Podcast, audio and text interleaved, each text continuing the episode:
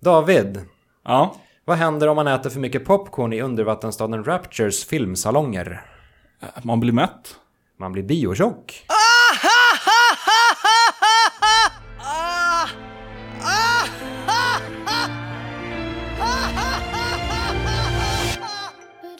Om ditt jobb vore en spelgenre, vilken genre skulle det då vara? I veckans avsnitt av Loadings podcast reder vi ut detta och snackar dessutom om The Evil Within 2. And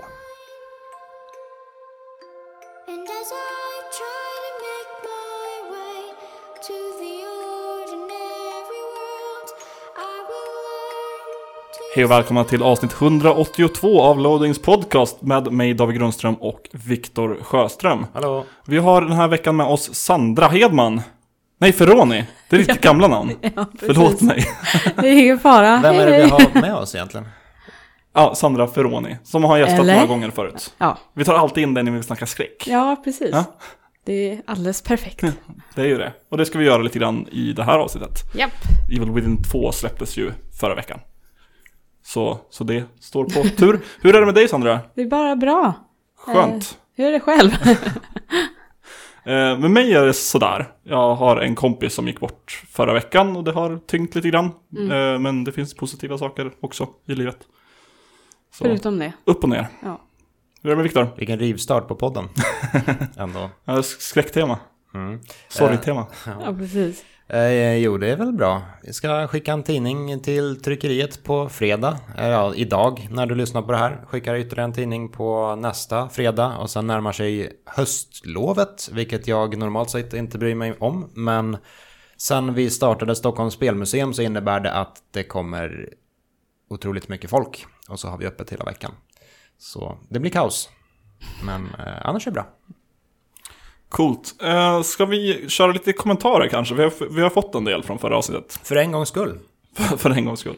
Eh, precis. Vi har bland annat fått från eh, Loadings chefredaktör Oskar Skog. Som skriver angående förra veckans dumma fråga. Och det var ju det senaste före, föremålet du köpte i ett spel. Får du en oändlig upplaga av. Eh, och då skriver Oskar Skog att lootboxes i Overwatch var det senaste han köpte. Eh, jag hoppas verkligen inte att det betyder att jag får en livslång prenumeration på Loot Crate. Det hoppas jag också. Vi hade ett podcastavsnitt om loot crates förut. Och det Där du och Per Landin shameade mig för att Ja, jag hade en Loot Crate-prenumeration. sånt. Jag har Ja. fortfarande inte sagt upp den. Nej. Sandra, vad var det senaste föremålet du köpte i ett spel? Oj. Kanske var någon uppgradering i Evil Within? Eh, bra fråga. Jag spelar ju bara Binding of Isaac nu för tiden så jag köper aldrig någonting. Nej, men, Men, ah, Man kan har, ju köpa ett hjärta och ja, precis. Nej. nyckel. Och... Alltså jag är för snål för det. Jag tycker det är så, jag tycker det är så onödigt. Jag köper Men- ofta DLCs. Ja, det behöver Ja. alltså inte, för, för, det behöver inte vara för riktiga pengar utan så i Ja, ett spel som så. ett item. Ja. bara i, i shoppen? Eh, I shoppen, eh, vad köpte jag sist? Jag köpte lite, vad fan gjorde jag? Jag har mest uppgraderat bara just nu när jag spelar i Evil Within. Så det blir mest, eh, pengarna dras, vad ska man säga? Jag spenderar det på att uppgradera vapen helt enkelt. Ja. Det Kanske, kanske, massa ja, vapenmods. precis. Det innebär ju då att du enligt den dumma frågan skulle få en obegränsad tillgång till vapenmodifikationer i verkligheten. Ja, precis. Det Fast- kan man sälja till krigsdrabbade länder. Ja, Just Vi, vi, har, vi snackade ju om huruvida våra val var etiska eller inte. Jag tror du hamnar längst ner på den här. tack så mycket. Vi fortsätter på mörkerspåret här. Precis. Eh, även Nightswipe har eh, kommenterat det förra avsnittet. I mitt fall blir det oändligt med stash tabs i Path of Exile. Kommer ha oändligt med flikar i min kista. Ehm, där kanske endast ett tiotal blir fulla. Men om man istället eh, tänker sig stash tabs då i verkligheten, oändligt med plats. Jag hade nog tjänat en hacka på att sälja för, förråd och lager. Människor har ju hoarding-tendenser. Ja, det blir någon slags lagerlokalsmogul av hos Nightswipe. Ja, det är, det är kanske bättre än att sälja vapen till Ja, snäppet ovanför. Fortfarande ganska girigt. Ja, jo men. Jag tror Nightswipe dock ligger ovanför dig med ditt läder. Eller kom vi fram till att lädret inte kom från djur? Ja, det... Jag, Jag, tror det var något kom- ja, jag- veganska alternativet till läder. Just det, det etiska lädret. Ja, precis. Eh, Robert Jonsson har också skrivit på Twitter Stoppa Aidsbrains översitteri i Loadings podcast. Stöd Viktor underscore Sjöström. Eh, hashtag Team Spoiler, hashtag Blade Runner. Det här är angående att Viktor och Daniel ville sitta och spoila Blade Runner 2049 typ knappt en vecka efter den hade gått på bio. Och jag hade inte sett den och sa nej, stopp, så här får det inte vara. Har du sett den nu då? Nej, Ja, stopp, så då så. får det inte vara. Då så. Men det finns inte en två veckors period på- på filmer. Jag är upptagen, det släpps spel. Jaha, så nästa vecka? Då spoilar vi skiten ur den. Ja, brukar inte vara så? Alltså, två, Eller? tre veckor man har en deadline innan man får eh, börja spoila saker. Må- måndag morgon, då skickar jag ett meddelande till dig om att var det inte coolt när alla dog där i den där scenen? Åh, fan, jag måste se den här filmen snart. Yes. Eh, nästa vecka kanske vi ska snacka Mario i och för sig. Det känns väl Kan kanske tänkas, för det släpps ju då. Den stora Mario-podden. Eh, slutligen då Aron, som har gästat vår podd lite här och var. David kommer alltid ha rätt här. Att ens diskutera en film som är så färsk i en spelpodcast är för mig totalt vansinne. Kör på David. Eller menar han kör på David? Nej. Nej, Kör- kör, kör på, inte David. på mig. Men nej, jag tar ju Arons parti i det här. Jaha, ja, Utöver då, köra på mig. då tar jag Roberts då. Sandra, du är dömande, slu, slutgiltiga domen här. Vem vinner? Jag tror David vinner. Nej! Jo. Vad är det här? Att spoila är taskigt. Jag, eh, jag är väldigt emot det själv. Jag, I och för sig, jag är fem år sen med Game of Thrones och tvingar fortfarande folk att inte spoila. Så egentligen borde jag få skylla mig själv. Men, Oj. Efter fem år så blir det... ja, då, är, då får jag skylla Då mig blir det i själv. alla fall öppet mål att göra i sådana här publika sammanhang som en podcast som går ut till alla. Däremot Ja. om någon snackar med dig och så här kastar spoilers i ansiktet på dig, det är ju inte lika okej. Nej, nu har jag i och för sig kollat igenom alla avsnitt. Ah, så jag har du är hunnit ikapp. med. Mycket drakar. Ja, väldigt. väldigt Spoiler. Ja, precis.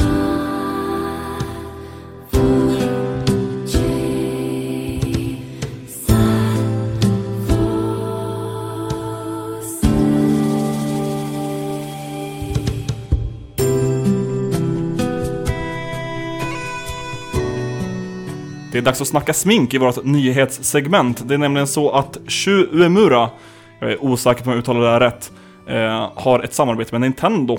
Och det här innebär att det här Shu Uemura, som då är något form av varumärke av smink, kommer att lansera kosmetika och hudvårdsprodukter med Mario-teman. Det är ett av de ledande företagen inom kosmetika, troligtvis i Asien skulle vi väl gissa oss till, eller i Japan specifikt.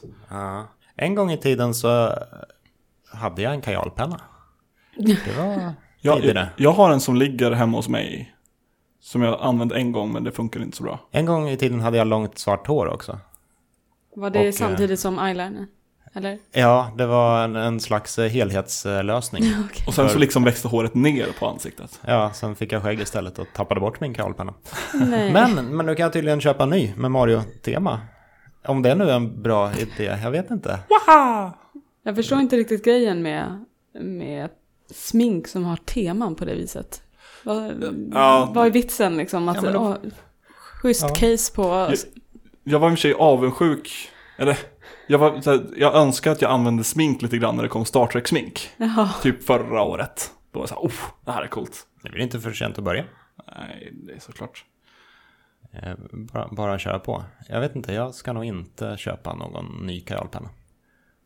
Nej. Ska du köpa på det då? Oj, hoppsan, vilken segway. det här, här går undan. Eh, jag antar att du syftar på vår nästa nyhet. Mycket riktigt. Ja, visst, och det är vår gode vän Yoko Taro. eh, Den väldigt märkliga mannen som gjorde Nier Automata. Är det han med masken? Precis, mannen med en klotrund mask. Eh, han har snackat, till att börja med, Nier Automata har gått väldigt bra. Överraskande bra, det har sålt över två miljoner nu. Eh, vilket är jättekul, för det är ett bra spel och eh, Fortfarande inte spelat det. Kanske efter spelhösten. Kör, ja, lycka till. Den här spelhösten alltså. Eh, det, I alla fall, det skickar en signal om att eh, Square Enix mycket väl kan eh, tänka sig att göra nya ner-spel. Eh, och i alla fall då, Yoko Taro har snackat om att han kan tänka sig att göra både uppföljare på Drakengard och ner Automata då. Och sen har han även fått frågan om det var något annat, någon annan form av media som han skulle vilja arbeta inom. Och då svarar han att jag skulle vilja göra en vuxenfilm. Det är något jag skulle vi- vilja göra en, åtminstone en gång i mitt liv. Adult video. Är det en video där de typ såhär deklarerar och... Betala Bär port- räkningar. portfölj. Ja, precis. Och Läser ekonomisidorna. sparar. Ja, lite så. Kanske.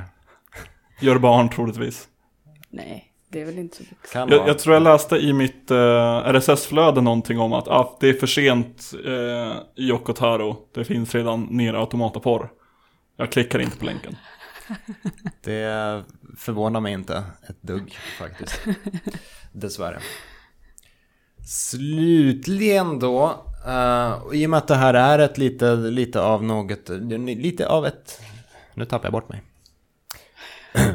Slutligen då, i och med att detta är eh, något av en skräckpodcast, eller skräckavsnitt av en podcast i alla fall. Då, så, S- Som alltid när det tar in Sandra. Ja, exakt. Så eh, kommer lite dåliga nyheter. Och det gäller närmare bestämt eh, den gamla goda spelstudion studion Visceral Games. Som gjorde Dead Space och även gjorde Dantes Inferno. Och Battlefield Hardline kommer vi fram till va? Ja, eh, och lite annat jox. Eh, Nu ska EA montera ner den här studion i alla fall. Det är någonting EA gör väldigt bra, att montera ner studios. Ja, tyvärr. Eh, När det inte går så bra för dem så tar de ut dem i akten och skjuter dem i ryggen. Ja. Fol- Folket eh, på Visual Games ska placeras ut i andra EA-produktioner. Eh, och anledningen till det här sägs vara då, det Pa- Patrik Söderlund på, eh, säger att ehm, Han är alltså vd för ja, EA ja, det har blivit tydligt för oss att vi måste erbjuda en annan spelupplevelse, något spelare vill komma tillbaka till under en lång eh, tid. Och för det måste vi ändra den nuvarande speldesignen. Och det Visceral Games satt och gjorde för tillfället var ju någon form av single player fokuserat Star Wars möter Uncharted. Ish. Ja. Som vi sett, får se tre sekunder video från under E EA, nej, E3 2015. Nu är det slut med det. Ja. Typiskt. Ajöken med Star Wars 1313 och ajöken med Star Wars Visceral Edition. Ja. A visceral, visceral Star Wars-saga.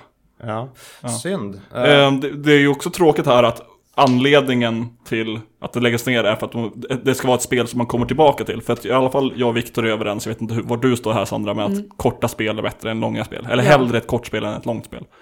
Ja, verkligen. Och sen känns det som att de kanske inte är de bästa på att göra spel man tar sig tillbaka till heller. Så jag vet inte. EA med andra ord alltså. Ja. Jag vet inte, det beror ju på. Men... Ja, det skulle vara typ såhär, Bioware-spelen är ju väldigt populära i alla fall. Att så här, återgå till även om det är en single player-kampanj. Men det här känns som att de vill ha multiplayer-fokus och, eller eh, MMO-skit, tjosan. Ja. mm. Kanske blir The Sims Goes Star Wars. Det hade kanske kunnat vara Nä, någonting. nästa DLC-pack till The Sims. Yoda Stories 2. Kanske. Ja, men det, det, det är trist att så många spel nu för tiden måste vara just de här stora upplevelserna som, som man ska komma tillbaka till under lång tid. Och det ska vara stora öppna världar och det ska ta tusen timmar att klara. Och jag har inte tusen timmar att lägga på spel Nej. varje vecka. Jag vill ha Och det här spel trots jag att kan- det är ditt jobb. Alltså, inte ens som en peak. Det, det det är ditt jobb ändå till viss del att spela spel. För att sen skriva Ja, om det jo, som man, säkert upp alltså, mer tid. Men jag befinner mig i spelbranschen och Ja. spel, försöker spela så mycket som möjligt. Och då är det väldigt stressande när det kommer så här, tre stycken open world-spel på raken. precis. Eh, Dead Space, vad har vi för relation till det för övrigt? Ett av mina favoritspel den generationen. Mm, jag håller med.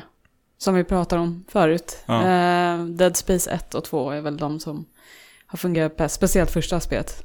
Eh, Resten ballade ur lite. Men fortfarande. Ja, det var i, mitten av, nio månader in i produktionen av tvåan så slutade Glenn Schofield som var ehm, typ producent och eh, regissör för första spelet, slutade på Visceral. För att Ja. starta egen studio, den här Sledgehammer Games som nu gör Call of Duty. Eh, så att, Damn när, han, han var ju bakom ratten med första spelet så att jag Mm. ville väl vara eh, så här dum och säga att det är bara en person som gör ett spel. Mm. Eh, som man inte menar egentligen. Men eh, jag tror att det kan ha påverkat ganska mycket. Ja, förmodligen. Och att riktningen med tvåan var ju att ja, eh, Isaac, huvudkaraktären, fick en röstskådespelare istället för att vara en tyst protagonist. Och det var mer, Just det, i ettan så var han helt, höll, höll han käften. Ja, precis.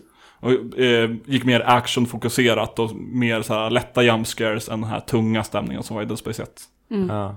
Och det, det är ju lite svårt att ta skräcken på allvar själv. Om huvudpersonen skämtar bort den och drar one-liners och liksom Ja. sådär. I ettan när han är helt tyst då kan man Ja, projicera han sig själv frustar lite grann. Ja. Liksom. Jag vet inte hur komikern ser ut med Dead Space. Ingen aning. Nej. För jag har ingen aning hur många det finns. Fast det ett ra- en rail shooter till Wii också som ska vara rätt bra. Exakt, Inte spelat. extinction. Ja, det det nog. Jo, men den spelade jag lite grann. Jag kommer inte ihåg någonting av det, men... Men, Ja. Jag har också spelat det tror jag för länge, länge sedan. Det här måste ju varit flera, sex år sedan eller någonting. Det kom, har jag för mig. ja. I alla fall, ingen Dead Space 4 då, förmodligen. No. Såvida inte EA sätter typ Bioware på det, eller något. Ja. Så det Tunga Bio, Bioware Montreal, eller vad heter de? Ja, Just just det. det, de är nedlagda också. Tung, tunga dialogval. Rom, romance-alternativ. Bland, vad heter de? Necromorpherna?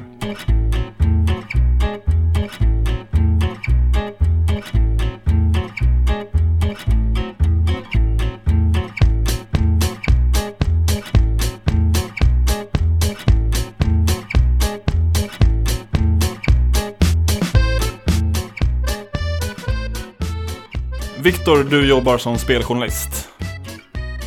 Eh, Jag är lite allt-i-allo-tomte brukar jag säga. Ja. Jag jobbar dels som spelskribent skulle jag kalla det.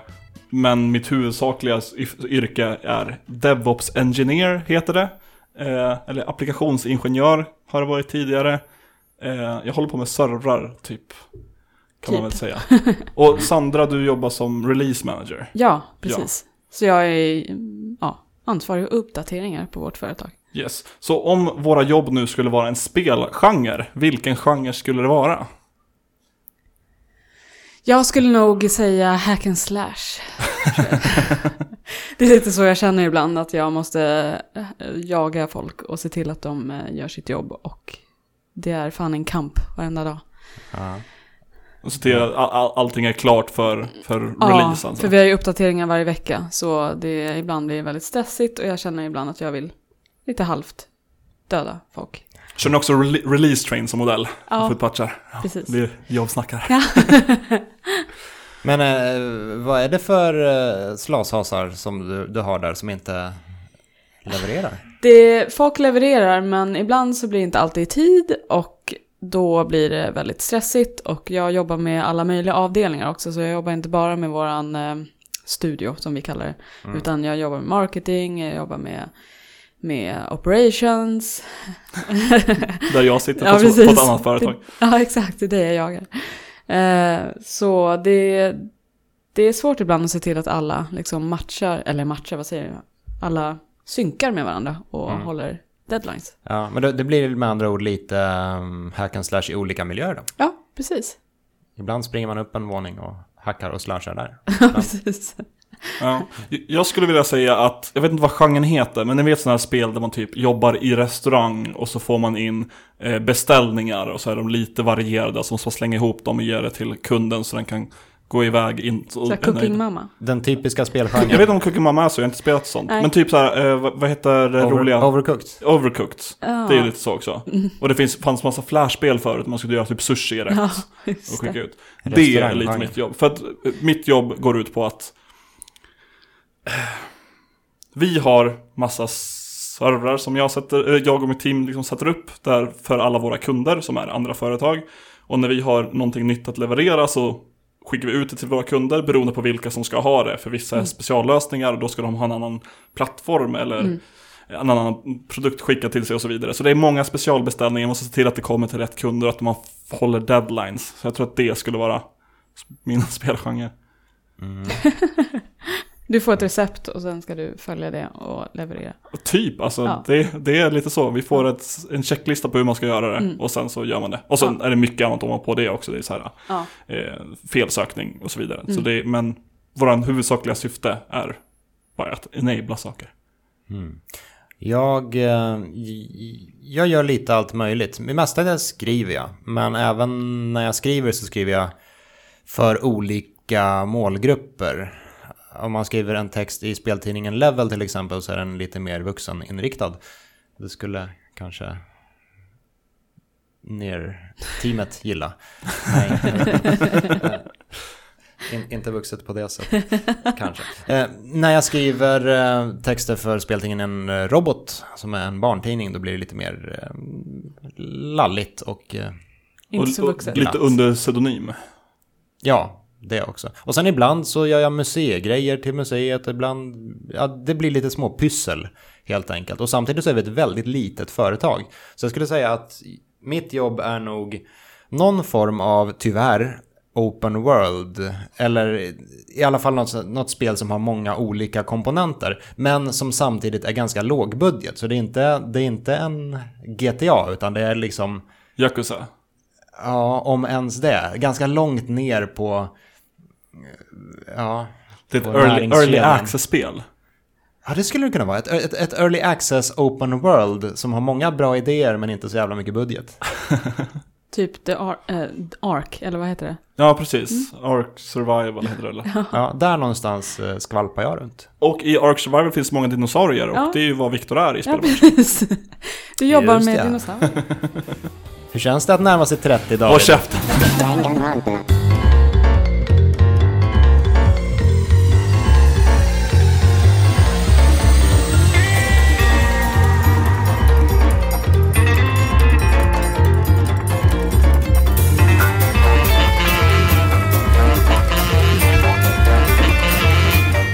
Vi har kommit till spelat-segmentet, eh, slash tittat, och när jag kollar på styrdokumentet så har Viktor ett spel att prata om, Sandra har ett spel att prata om, och jag har en, två, tre, tre spel och en serie att prata om. Toppen. Jag, jag tänker st- styra det här, jag tänker babbla lite grann. Jag tänker Kör börja på. snacka kort om Danganronpa V3 Killing Harmony. För att det är ett spelnamn som bara rullar ut Ja. ja. tungan. Det, det är magiskt att säga. Eh, har någon av er spelat något Danganronpa tidigare? Nej. Nej, men jag har läst titeln många gånger. Ja, vet ni vad det är för typ av spel? Nej. Yeah. Ja, det är så här. Eh, det handlar typ om massa high school. Jag har bara spelat det här och jag har spelat lite av det. Men det handlar typ om massa high school elever som vaknar upp på någon skola som är så här, typ en skola där man mördar folk. Och av någon så här psykotisk eh, robot som är en liten gullig nallebjörn och som har en vit snäll sida och en svart sida som man säger, jag vet inte, elak kajal. Ah, kajalen kommer tillbaka. Mario Kajalen. Men är det alltså nallebjörnen som får folk att mörda? Ja, typ, han är rektor på skolan. Alltså i, i det här V3 så är det typ, ja, nu måste ni mörda varandra för att om inte någon dör innan det här dygnet är slut, då kommer vi döda alla, tror jag, typ. Och så är det den sista som är kvar, när alla har blivit dödade, den får gå vidare. Men sen så baserar det på att man kan inte bara mörda vem som helst, utan man, när någon blir mördad så ska man reda ut det i så här en class trial, så det blir lite Phoenix Wright på det hela. Eh, där man så här, samlar bevis vid brottsplatsen och eh, Men- anklagar varandra fram och tillbaka. Men är man själv som mördar? Nej.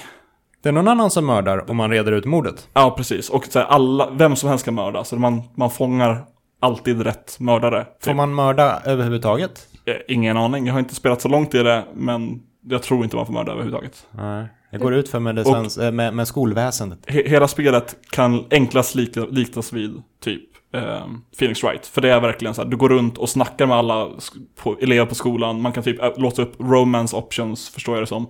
Eh, man går och tittar på bevis, man väntar på dagarna går förbi. Sen finns det någon form av så här rotation i hur spelare går runt. Och det hela är väldigt skumt. Det är, så, det är en 3D-miljö om man går runt i first person utan några så här händer eller någonting. Man bara en flytande kamera som åker runt. Alla andra karaktärer är så här 2D-sprites Okej. som står i en 3D-miljö. Och det är som typ så här 2D-sprites var på 64, typ träden i Super Mario Nej. 64. Så det är en bild som hela tiden tittar Ja. mot kameran, vart den vänder och vrider sig. Eh, lite småskärmigt men också superfult. Lite kusligt. Eh, lite spooky. Det låter ju lite som, eh, jag kommer inte ihåg vad det heter nu, det här spelet där man, eh, man är någon tjej som springer runt eh, och dödar eh, andra tjejer som eh, är en konkurrens. Eh, de försöker sno din kille. Det här är japanskt tror jag det är. Lå- det låter det japanskt. heter? Då springer man runt på en skola och så ska man mörda alla tjejer som, som verkar stöta på din kille. Fan är det heter? Det låter precis som att det skulle kunna vara det här- fast minus eh, nallebjörnen. Ja. Ja, Det, det, det är ju japanskt det här också, Ja. om inte titeln gav dig iväg. Ja, är det ett stort spel eller ett litet spel? Eller? Mm, jag tror det är indie. Jag har ingen riktig koll. Jag har bara sett typ Pewdiepie spela det någon gång. Hej då. Uh, Danganronpa började på PS Vita och har blivit någon form av kulthit, men nu är det så här Mm. ganska, det är tillräckligt igenkänt för att det inte ska vara fringe längre, typ. Och det här är till PS4-spelet. Jag har kommit till den första class trialen, som är det jag har sett fram emot, för allt annat är inte kul. Eh, men sen har jag bara inte spelat mer för att det har kommit andra större spel. Mm. Det är Spännande. Mm. Jag blir nyfiken på ditt spel, Sandra. Vad det Mitt spel? Ja, Fast jag vill prata om det sist. nej, ja, nej, alltså... Jaha, ja, det, det här japanska. Ja, mörda alla som går och stöter på hans kille. Mörda alla slinkor. Oj, oj. Ja, det är väldigt, eh, väldigt speciellt. De, eh, man, jag tror till och med man kan lura till sig de här tjejerna hem till dig och låtsas att ni ska typ göra läxan ihop. Och så slutar det med att du mördar henne på något brutalt sätt. Och så lägger du henne i en låda på skolan och så hoppas på det bästa, att ingen hittar henne. Så, så man mördar henne hemma hos sig själv. Tar med henne till skolan i en låda. Alltså du kan Och göra hoppas allt. på det bästa. Ja. Du kan till och med så här plugga till olika prov för att liksom bli bättre på ett visst ämne för att sen typ, om jag minns rätt, styla inför den här killen att du är så duktig på, jag vet inte, home cooking eller whatever. Ja. Det är väldigt speciellt. Det är, Det låter väldigt japanskt. ja, jag ska ta reda på vad det heter. Okej, så man ska inte bara mörda alla andra, utan man ska även lyckas ragga upp ja, killen? Precis. Du failar om han eh, först inser att du har mördat någon, of course. Eller om han typ inte är intresserad av dig. Det kanske inte var meant to be om han blir skrämd av en sån sak. Ja, precis. Eh, vi kanske kan snacka lite om Shadow War, för du har spelat det också Viktor. Jag snackade lite förra veckan om det. Eh, ja, det kan vi göra. Du var inne på att det här var ett ganska trögstartat spel. Ja, Jag, eh, har du spelat någon mer? ja jag har spelat mer. Jag har kom, senast vi snackade så hade jag, jag sa att det var väldigt trögstartat och var väldigt likt Shadow of Mordor, fast typ bara större. Eh, nu har jag kommit och gjort första Siegen, som är väl det stora nya inslaget i spelet. Ja, det har jag också gjort och Man- jag försöker hålla... Jag, jag bygger upp mot den andra sidan just nu. Då har du nog kommit ikapp mig. Men det är väl här som spelet bygger vidare på det jag verkligen tycker om Shadow of Mordor. Har du spelat det Sandra? Nej. Har du koll på Jag har sett lite, men Ja. eh, jag har inte så jättestor koll. Men det, det är den här döda orker i Mordor och Mm, man har det här nemesis-systemet att det genereras Just orker det. som blir ens ja, Mm. fiender. Eh, och nu i Shadow of War så kan ju då också dominera och ska bygga upp din armé med egna orker som man får placera ut i sitt, så här, Mm. sitt fortress som en overlord eller som kaptener ute i fält som kan komma och hjälpa en eller som kan, man kan skicka och slåss mot andra orker. Och det här är ju där spelet verkligen briljerar tycker jag. Vad säger Mm. du Viktor? Jag, eh, jag, trots att du hade sagt att det var ett väldigt trögstartat spel så blev jag förvånad över hur otroligt lång tid det tog innan det kom igång på allvar. Och det är inte, det, det, det är trögstartat på ett så väldigt konstigt sätt också. För det är inte det att man går igenom en lång tutorial egentligen. Utan spelet, vad ska man säga, spelet är igång på riktigt. Man springer runt i den öppna världen och man kan ta sidequests och leta prylar och sådär. Det är Så bara... det massa tutorials som kommer på det. För Ja. små saker för att låsa upp ännu mer. Ja, och liksom timmarna går och jag körde det över helgen och det var väl först på framåt måndagen som hela spelsystemet hade låsts upp. Eh, så det, det känns väldigt märkligt på så sätt. Och sen, sen kan jag tycka att det är ganska taffligt på många sätt och vis också. Storyn är ju helt värdelös till exempel. Någonting om att man ska ha Palantiren och det finns en ny ring och Shelob är en kvinna och hon ger en framtidsvisioner. Ja, hi- hi- hittills så går det ut på att eh, man springer fram och tillbaka mellan Shelob och där blir eh, typ Cerebrimbor sur och säger typ She's not our ally. Ja. Och sen springer man tillbaka typ We must hurry to Minas Ithil. Och så springer de till Minas Ithil. Och sen gör de något i Minas Ithil och sen typ Must go back "We to Shelob." Ja, let's return to Shelob. Och så springer man... S- Säger han ja, och sen så blir han. Ja, så- så här, ah, she's still not our ally. Och så springer man fram och tillbaka med den här jävla minus Ithil och Shelob fram och tillbaka och det händer typ ingenting. Eh, och det är, det, i och med att det är typ Assassin's Creed fast i Lord of the Rings miljö så är det, det är ett ganska Jag själv, säga- självspelande spel. Ja. Lite Eller- Assassin's Creed i hur man springer, men jag skulle vilja säga att det är en dålig liknelse. att Typ Batman Arkham är bättre. Ja, jo, stridssystemet är, är ju Arkham. Ja. Eh, men det, man snappar ju till saker och ting väldigt, väldigt mycket. Ja. När man klättrar och när man slåss. Och ofta är det saker som man inte är medvetna om, medveten om att de finns. Och så trycker man på en knapp och så bara plötsligt så flup, flyger man iväg till ja, närmsta ors eller vad fan det nu kan vara. Så det, det, det, det är en lite konstig känsla att spela det. Men Nemesis-systemet är ju det som gör det kul. Kommer du fortsätta spela? Ja, jag skulle gärna göra det. Jag, jag skulle vilja avverka det här spelet. Jag, jag känner ändå att jag har kul med det. Och jag känner att om jag lägger ner det nu, då kommer jag inte plocka upp det igen. Så jag, vill, jag skulle vilja plöja mig igenom det innan jag plockar upp nästa spel. Och då är ju problemet att nu har vi South Park, ehm, Som är ute. Ja, The Evil Within 2, Ja. uh, Wolfenstein kommer nästa vecka, Mario kommer nästa vecka, Ascreed kommer nästa vecka. Och alla dessa tre på samma datum. Åh, hurray. Så eh, jag sitter fast i Shadow of War-träsket med mina små blå orcher. Och, eh, ja, vi har det ganska trevligt, men jag känner mig samtidigt ganska stressad över situationen också. Mm. Är inte det ett ganska gammalt spel? Kommer inte det ut? Sh- Shadow of Mordor Ja, kom precis. 2015. Ja, Ja, visst är Shadow War släpptes War. förra veckan. Ja, ah, okej. Då blandar jag ihop dem. Mm. Så, ja, jag har kul med det. Men det, det, är inte, det är inte fantastiskt. Och jag tror det handlar lite om förväntningarna också. Shadow of Mordor, första spelet, hade jag noll förväntningar på. Ja, Och då- precis. Då blev det ju en väldigt kul överraskning. Det här har vi peppat inför ganska hårt. Och snackat lite skit om. Fast det är väl mest så här allting Ja, runt omkring. lullet runt omkring. Ja. Själva spelet har man ju varit grymt sugen på och då, ja, är man på toppen finns det bara en väg ner och då blev man lite besviken ändå. Typ så. Så, har vi spelat något mer? Eh, ja, men jag tänkte snacka tittat innan vi går in på, på The Evil Within 2. Eh, som vi redan teasat. Jag har kollat en del på Star Trek Discovery. Eh, eller jag har kollat på allt Star Trek Discovery som har kommit ut till dags dato. Det är en ny Star Trek-serie för första gången sedan 2004 kom Enterprise och höll på i fem säsonger kanske? Eller fyra säsonger? Något sådär. Eh, så det har ju bara varit de här skitfilmerna från JJ Abrams och eh, som har byggt vidare på hans första och andra film. Eh, som jag inte tycker om och det har jag sagt tidigare i podden för att det är, Det är lite underhållande. ja, det är ju Star Wars, såklart du tycker om det. Det är lite kul. Ehm, men det här, Discovery är, det, det, det känns som en Star Trek, det känns som Star Trek till skillnad från Star Trek-filmerna. Eh, men det känns väldigt konst, som väldigt konstig Star Trek. För att vad det går ut på, har ni sett någonting av det här? Nej. jag Nej, jag är lite smånyfiken men jag har inte sett något. Ja. Eh, vad har du för relation till Star Trek, Sandra? Ingen relation alls. Jag eh, har verkligen ingen koll på Star Trek överhuvudtaget. Grattis David, du pratar med rätt personer i den här podcasten. Yes, då pratar jag rätt ut i etan här. Förklara nu för oss varför Star Trek är så bra.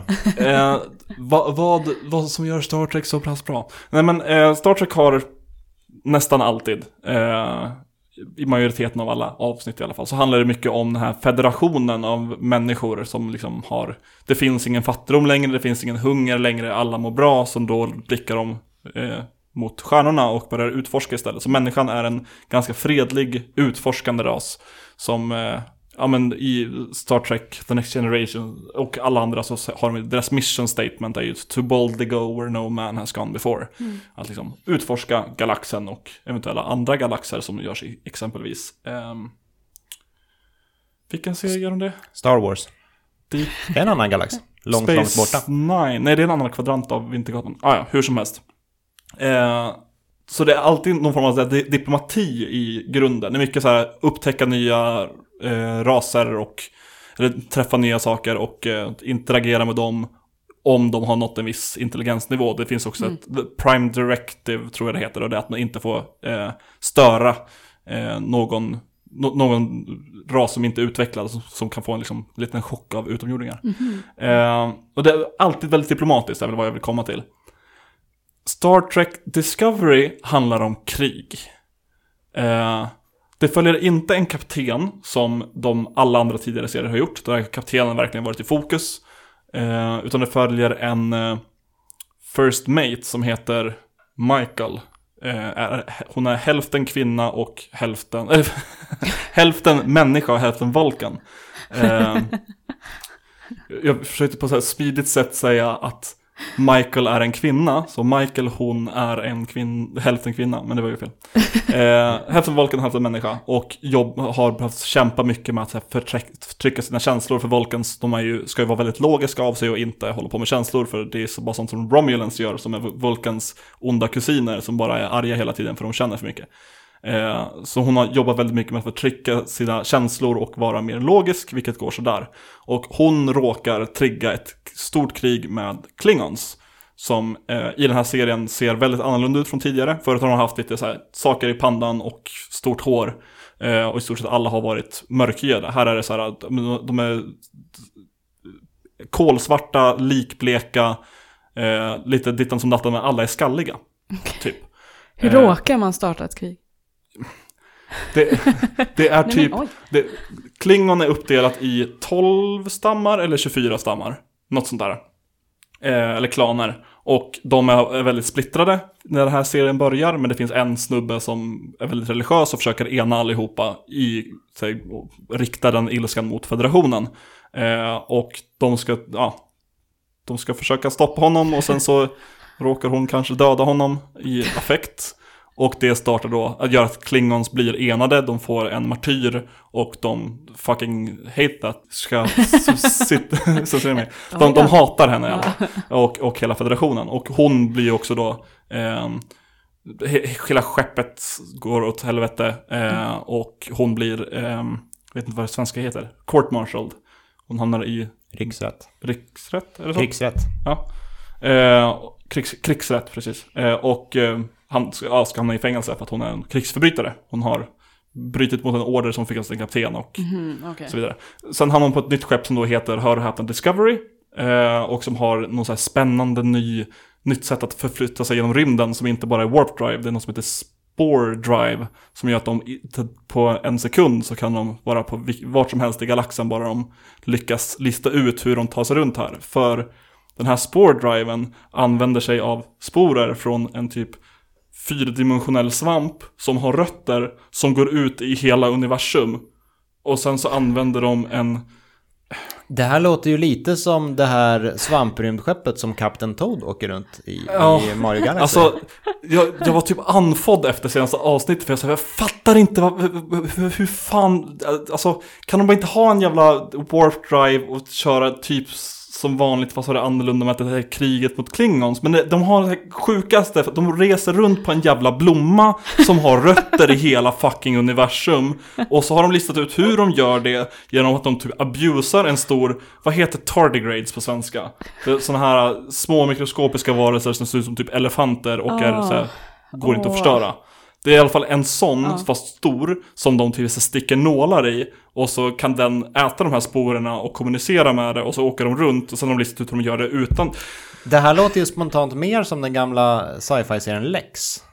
När de åkte runt i en jättestor eh, trollslända. Jag har ingen referens till det här. Ganska låg budget. Landet för länge Ja. sedan höll jag på att säga. Alltså det, det, det, det, finns, det finns mycket nice här, det finns mycket som Star Trek, men hela grundgrejen i att Discovery är ett coolt så här, vetenskapsskepp som testar nya saker. Och sen så blir de, är de kaptenen är, man får inte följa honom så mycket, han är alltid ett mysterie, utan man ser alltid Michaels ögon.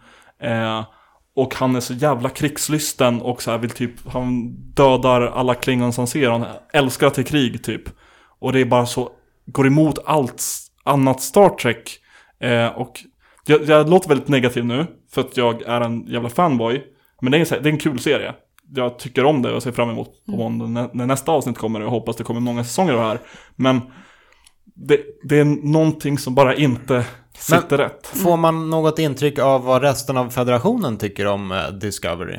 För, för Ja. jag, kan, jag kan tycka att det vore en ganska kul tolkning av hela Star Trek-formatet då, om det sen visar sig att resten av federationen är helt skräckslagna över det här beteendet. Så här, vad håller de på med i sitt lilla svampskepp?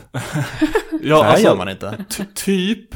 Eh, I och med att det är krig så har eh, kaptenen, som jag inte kommer ihåg vad han heter, han har rätt att eh, conscripta, eh, lumpa folk. Och säga nu ska du vara i militären, håll käften. Så det är typ så han får tillbaka Mike, eller får Michael på skeppet som annars var på väg till ett fängelse. Eh, och hur hon fortsätter vara relevant i serien. Eh, och sen så är ju han, deras skepp det enda som har den här spordriven. Eh, och det är någonting som federationen kräver att alla andra skepp ska få. De har fått tekniken men de behöver den här jävla mini-elefanten för att kunna göra det. Eh, och det vet inte de hur de ska hitta. Eh, och det är väl typ så långt vi har kommit i serien just nu. Vi får se vad som händer nästa avsnitt. Eh, för de har lyckats repli- replikera den här eh, mini-elefantens typ DNA eller whatever. Och kört in det i en människa. För att en människa ska kunna göra det istället för att typ bli torterad. Eh, Snällt. Ja. Jag bara svamlar nu, men det, här, det är så mycket effekt. Eh, så, Kommer- Men, men han, han är, är liksom ett wildcard och det är liksom eh, uppmärksammat. Men i och med att han är enda som har den här eh, teleporteringsteknologin som är vad det är liksom. Han har även något av elefanten i rummet. Ja, precis. Åh. Så ja, det är mina spontana tankar om Star Trek Discovery. Det har varit några spoilers här som jag var strikt emot, men det är inte som att... En major plot point i första avsnittet som jag har spoilat, och sen minor plot points.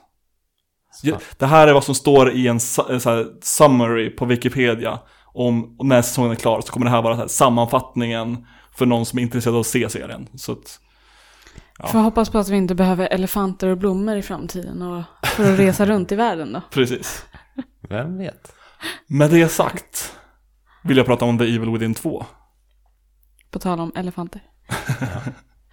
För vi har lite olika uppfattningar av det här spelet, du och jag Sandra. Ja, det har vi. Du tyckte om ettan. Ja, jag tycker om ettan väldigt mycket. Det var ju Eh, till och med så att första gången du gästade vår podcast, när vi var IGN Sveriges podcast, så snackade vi om ett av DLC-erna till tvåan, till, till ettan. Mm, ja, det kanske vi gjorde. Jag kommer inte ihåg. Du kanske har ett så här superminne. Kanske? Jag, kommer jag inte minns inget. Vi snackade säkert om ettan i allmänhet i alla fall. Att eh, det, det, det, det var ett ganska kul spel för att det var... eh, Fast när Sandra gästade podcasten Eller? så hade inte du spelat det, för du spelade det tidigare i år. Nej, jag spelade förra året. Förra året, ja okej. Men det här var ju, eh, det här var innan, du, du, började snacka om det när vi var i den här lokalen, inte när vi var nere i spelgrottan. Jaha, var det så? Så länge sedan var det. Mm. I alla fall, så spelet i sig, är, det, det som är kul med det är ju att det Alltså är ettan så, i det här fallet. ettan, precis. Eh, är ju att det är så jävla oförutsägbart. Det är Tvära kast och man vet aldrig riktigt var man hamnar härnäst. Eh, och sen, sen finns det någonting eh, kittlande med det här att man aldrig har tillräckligt med ammunition. Utan man, att man måste prioritera vem man ska Mm. skjuta på. Och hur man ska uppgradera sina vapen. Ja, och första spelet också har väldigt schysst stämning tycker jag. Jag tycker de är... Det, det är det jag gillar med det mest, att det är väldigt bra stämning och som du säger, det är väldigt oförutsägbart. Mm. Eh, sen gillar jag att det är linjärt. Jag Mm. tycker eh, linjära spel är kul om de görs på ett bra sätt. Ja, ja, allt. Eh. Vilket är lättare att göra med ett linjärt spel än med ett öppet spel. Ja, precis. Eh, och det är nog därför jag gillar ettan så mycket, för att det var, det var en helt annan upplevelse. Det var så här vrickat, det var väldigt gory och det var liksom linjärt och precis det jag vill ha. För att jag, jag har inget tålamod med open world. Jag vill liksom, när jag spelar då vill jag inte tänka så mycket. Jag vill bara spela och uppleva spelet i sin helhet liksom. Mm, mm. Och det är därför jag inte gillar tvåan. För att det är så open world RPG-igt. Mm, de har ju satsat mycket på större utrymmen. Mm. Det är typ vad eh, Shinji Mikami sa att han var mest stolt över. Här, Mm. Det är bättre story och det är stora Ja. miljöer. Fast han skulle vilja ha dem större och mer detaljerade. Ja. Jag förstår inte riktigt. Ja. Mm. Jag förstår inte varför han tycker om storyn med i tvåan. För jag tycker storyn är typ bättre i första. Ja, alltså det är väl typ att storyn makes sense i tvåan. Eller, Jag har inte spelat ettan Ja. eh, så mycket, men det är inte så mycket så här, hål och man vet ganska mycket vilka det här onda företaget är som heter Eh, Mor- Morbius. The Federation. Mobius. Mobius, just Precis. Och vad, man vet vad STEM är redan från början, som är det här mini-matrixet de är inuti.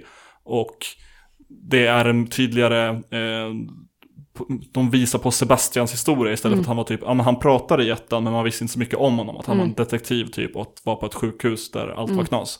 Eh, men här så vet man, eh, får man lära sig om, veta om hans eh, dotter som han trodde dog i en brand men som nu lever inuti det här stäm.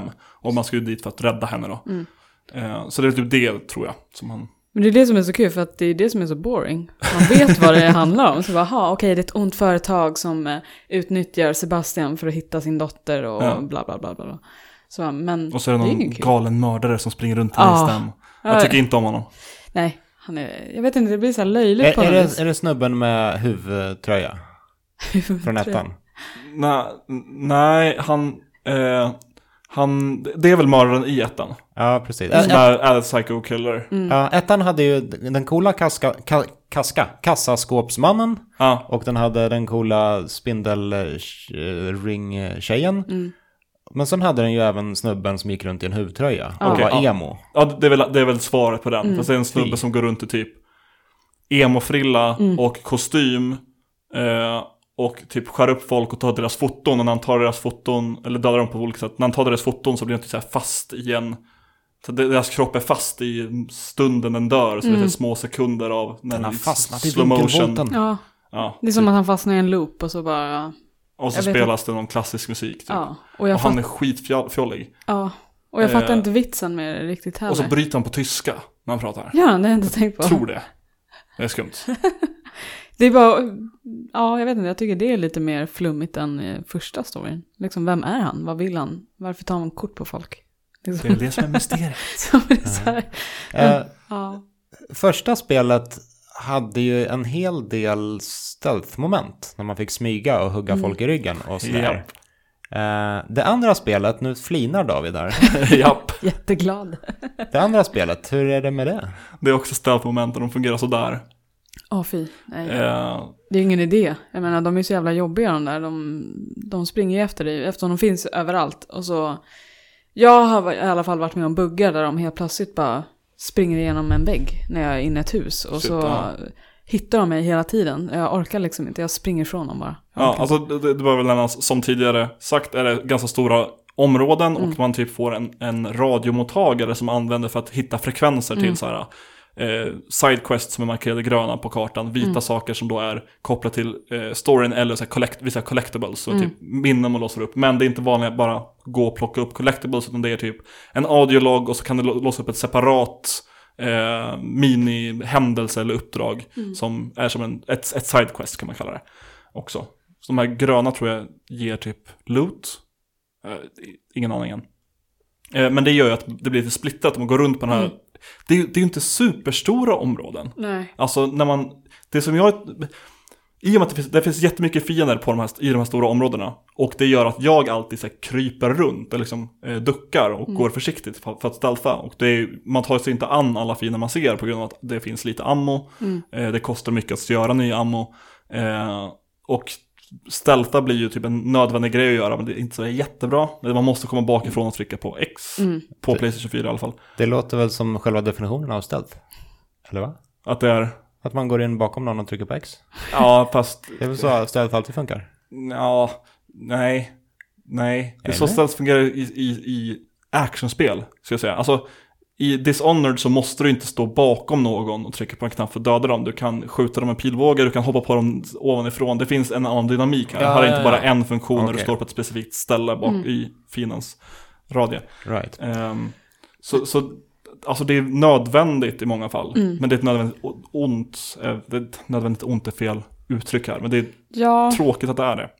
ettan har ju precis samma stealth. Men eh, där tycker jag det fungerar bra. För att fienderna fungerar på ett helt annat sätt. De är inte i klungor sådär som de är i tvåan. Mm. Och det, jag vet inte, det finns en annan funktion för att man faktiskt springer runt och liksom det är roligare att döda folk genom att hugga Ja. dem i ryggen. Alltså min go-to-taktik när jag är Ja. ute i öppna världen är typ att springa ifrån allting. För att Ja. det, det, det finns ett värde i att döda fiender och det är att de droppar så här green goo som man Mm. använder för att uppgradera sig själv. Men om det är för många så springer man. Om det är för svåra grejer så är det bara att springa för att jag har hellre kvar min ammo och så här, dödar enkla saker för att få mer sådana här Mm. grön goo. Ja, första spelet, um, Dess Stealth kommer jag ihåg att jag tyckte förstördes lite av kameravinklarna.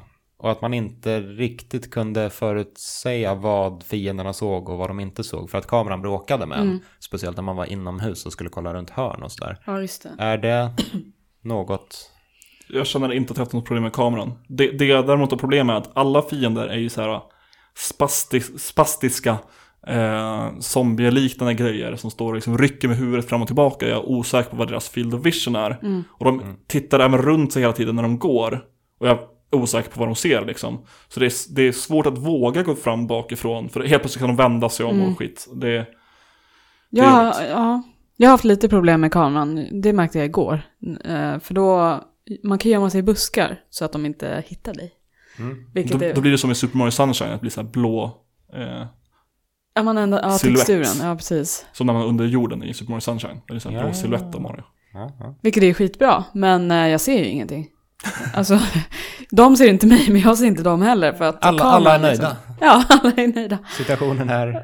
Ja, det är hemskt. Och sen Perfekt. är det ju en del där, eh, jag vet inte om det har kommit så långt, man går ner i kloakerna och så blir det first person. Eh, ja, Ja. precis. Det, fast jag, tyckte om det. Ja, Eh, för det, det är ett, ett segment där man är nere i kloakerna Ja. och så går den över till first person för att det är massa gas där. Mm. Man har på sig en gasmask. Men då kan man inte skjuta för att det kommer tända eld på allting. Mm. Eh, så det blir svårare att se runt hörn. Mm. Och så är det då stora fiender som går runt och man måste akta sig för. Och det, det var en ganska tryckt stämning så jag tyckte om det. För det, m- nog för att det var så pass fokuserad händelse. Det var inte så open world. nej. Jag gillade det också, men jag gillade inte just det med kameran, för att jag såg ingenting. Jag var tvungen att liksom vrida kameran igenom objekt så att jag såg igenom dem, vilket inte ens var meningen att jag skulle kunna göra. För att jag såg ingenting. Jag var, ja, fy. Du klippade sönder spelet. Ja, i princip. Så, Ja, det är kanske inte perfekt speldesign. Har du hunnit komma till några form, form av, eh, vad ska jag kalla det, men typ sidouppdrag? Eh, nej, jag har inte, jag bara fokuserat på main Ja. eh, storyn. För att så. jag tror att bland det kusligaste, Mm. eller alltså så här, som jag kunde se skräck, det är inte så att jag blir jätte, jag var, jag var väldigt rädd när jag spelade här i Japan. Eh, berättade jag att jag hade typ så här träningsverk efter att ha suttit en timme. Och då spelade jag från början liksom bara. Eh, men jag tror att det kan ha, ha att göra med att det var en, det var så här, eh, frostat glas i en liten glasbur där jag spelade. Och så var det någon som gick fram och tillbaka utanför. Så jag såg så här skuggan av en PR-person som var lite stressad. Som gick utanför hela tiden. Samtidigt som det var högt ljud med hörlurar istället för att det kom från min tv. Och så satt jag där och liksom bara var spänd. Och det är väl så mycket med skräckspel att det är läskigast till en början innan man kommer över det. Så just nu är det inte så läskigt. Men jag kan se så här ett värde i det. Det kan vara lite men kusligt. Och det är ett sidouppdrag i tredje regionen man kommer till. Då det var, ja men, någon snubbe som ligger, eh, man följer de här radiofrekvenserna som man ser på en, som en, en radar nästan. Så man följer en sån och så är det någon snubbe som ligger, sitter vid en stol och en kniv i bröstet eller vid sidan av sig, jag vet inte. Eh, så får man höra när han pratar lite grann och så står det att man har fått så här, du har fått den här eh, memon som är en collectible, bra jobbat. Jaha, det här var inte så kul. Och så försöker jag gå ut ur eh, det här stället jag är, men då är dörren låst. Och så eh, slås en jukebox på eh, i spelet, utan cutscene och skit, tror jag. Eh, så då, okej, Och det är Benny Hill-temat. nej, det är, det inte. det är någon, någon 50-talsdänga typ. Så bara, ja, då ska jag gå till jukeboxen och så kommer det komma en jävla jumpscare. Och mycket riktigt så kommer en jumpscare. Så de får så här flytande spöke typ som man inte kan skjuta eller skada utan man måste springa ifrån den. Ah, Och så springer man runt på typ det här mentalsjukhuset igen för man hamnar där. Eh, och så måste man typ så här, kolla i speglar för att se vilken väg man ska... Det, det var så här, ganska coolt pusselmoment på det. Samtidigt som det var det här jobbiga spöket som jagar en och man skulle undvika. Eh, det var än så länge det mest givande i spelet. Jag, jag tycker för övrigt om spelet. Jag tycker om att eh, spara på ammunition. Jag tycker om att eh, skräcken i det, eller rädslan i det, är att inte ha tillräckligt med utrustning. Typ som det var i gamla Resident Evil. ja, verkligen. Ehm, och det känns på många sätt som ett modernt Resident Evil 4 med mindre ammo på något sätt också. Så att jag, jag tycker om det i alla fall med, med Evil Within 2. Och du stör dig inte på att det är en öppen värld. Eh, jag tycker det... Hur öppen är den här världen egentligen? Om du jämför med typ Shadow of War. Eller, eller om man säger... vi- vilket är det, den, den bästa referenspunkten här? Ett spel som alla kan relatera till. Eh, Ett, en, i, öppen värld-tema. Alltså jag tänker lite Tomb Raider fast med sidequests, tänker jag. Att du kommer till olika världar, som jag Alltså de här det. nu. nya Tomb Raider eller? Eh, ja, ja, jo, jag har ju mest spelat de stora gamla. Okej, ja, jag Ja, på men gamla. du liksom tar dig till en värld och så, eh, så kan du utföra flera olika All uppdrag right. i den världen. Sen Ja. tar du till en ny värld och där så kan du utföra andra uppdrag. Så Tomb världarna är ja. inte gigantiska. Nej, alltså det här Okej. typ första uppdraget, eller Ja. första, första området man är i, det är i stort sett ehm, tre kvarter, typ Mm. i en så här liksom förort. Det är läskigt och tar lång tid att ta sig runt första gången, Mm. men andra, tredje gången om man springer och hämtar upp lite saker, eller man ska Mm. springa mellan två olika safe houses, så är det typ ingen sträcka alls. Alltså det tar kanske en, två minuter att korsa sidan från i- alltså, ena, till, ena sidan till andra, Mm. höger till vänster Mm. på kartan. Så det, det är ju större utrymmen än ettan, definitivt. Men det är inte superstora, det är inte open world, utan det är Mm. bara Ja. öppnare ytor. Mm. Det finns ju en viss potential i just sådana situationer när man pendlar fram och tillbaka mellan två punkter. Resident Evil 3 gjorde det ganska snyggt när man springer fram och tillbaka i staden i början. Just och så det. springer man förbi en eh, kraschad bil då och då, flera varv. Eh, Tills man inte längre tänker på bilen. Och sen den, jag vet inte, femte gången man springer förbi bi- bilen så sparkas eh, dörren upp och så Just det. hoppar ut en zombie. Så bygger man upp en trygghet genom att Mm. etablera ett område så kan man lägga in en, en liten scare där. Ja, jag har inte märkt Mm. något sånt än dock. Däremot så blir det som att första, det, första är en, en läskig karta där du inte vet vad du ska förvänta dig, men sen så har det en bra layout på det. Så det, det är... Ta mina ord med många nypor salt, men det är lite som ett område i Metroid. När du, alltså, gå, du lär dig det allt Just eftersom det. och blir mer bekväm i hur du tar dig runt. Eh, Det där fick mig väldigt peppad på spelet. Ja, alltså bara- just bara nav navigeringen, Mm. inte någonting annat, skulle jag säga. Mm. Det, det, att det påminner om. Mm. Jag vill inte att du ska komma och vara väldigt besviken på det här. Men, men jag, Ja. för all del, spela. Du tyckte om det första, jag tycker att det här är bra. Sandra tycker Mm. inte att det är så bra. Nej, men eh, det, ja, det, det är så svårt för att du har spelat första, Ja. David har spelat andra och jag har spelat båda. Så det hade varit intressant om när vi alla har spelat båda Ja. spelen och se vad vi tycker då. Får komma Ja. tillbaka och Ja. snacka om det helt enkelt. Precis, jag, jag kommer att spela tvåan eh, förr eller senare, men jag, jag kanske kör klart Shadow War först. Och sen kommer ju alla de här jävla spelen med Mario hit och dit och Ja, fan vad tråkigt med Mario. Usch. Varje jävla år. Men jag tycker att det påminner om ett spel som jag spelade för jättelänge sedan. Det här måste vara fem sex år sedan. Om inte mer, sju år sedan. Som jag tror heter Dark World. Fan vad det är. Det var, det var något RPG Open World-ish spel. Som var lite samma grej. Att det var, vad hette det? Hette det Dark World? Eh, jag spelade det på PC kommer jag ihåg. Eh, och Skräck. Mm, ja, det är väl mer sci-fi tänker jag. Och då var det så här olika, vad ska man säga, olika raser. Det var typ zombies och det var lite andra monster. Och så sprang man runt och det var massa main och side quests. Och Okej. man spelade online typ med folk. Vet inte om ni har någon koll på Jag vad det är överhuvudtaget? inte det. Nej, jag tror inte det var Dark så. World är inte spelat. Nej. Då är det svårt att prata om det. Men det påminner om det i alla fall. Okej. Så med det sagt börjar det bli dags att runda av det här avsnittet. Eh, vi som har pratat idag heter David Grundström, Viktor Sjöström och Sandra Ferroni. Ja, det Där var fick rätt. jag rätt. eh, vill du lämna en kommentar på det här avsnittet kan du göra det på tråden som finns på loading.se. Alternativt kan du skriva till oss på Twitter. Där heter jag, at aidsbrain. Jag- heter eh, inte det. Och du hade ingen Twitter. Jo, du Jo, hade en jag Twitter hade- men du använde den inte. Nej, så Så vi, vi, vi skickar någon länk i inlägget så får vi se vad som händer. ja. Jättetack att du ville vara med. Tack Tack själv. så mycket. Välkommen eh, åter. Tack så I, mycket. I men- skräck eller oskräck. Ja, både och kanske. Vi får se. Det var Ja. hojta till. Och nästa vecka så blir det Mario. Bam! Yay. Ha det bra. Tja! Hej då.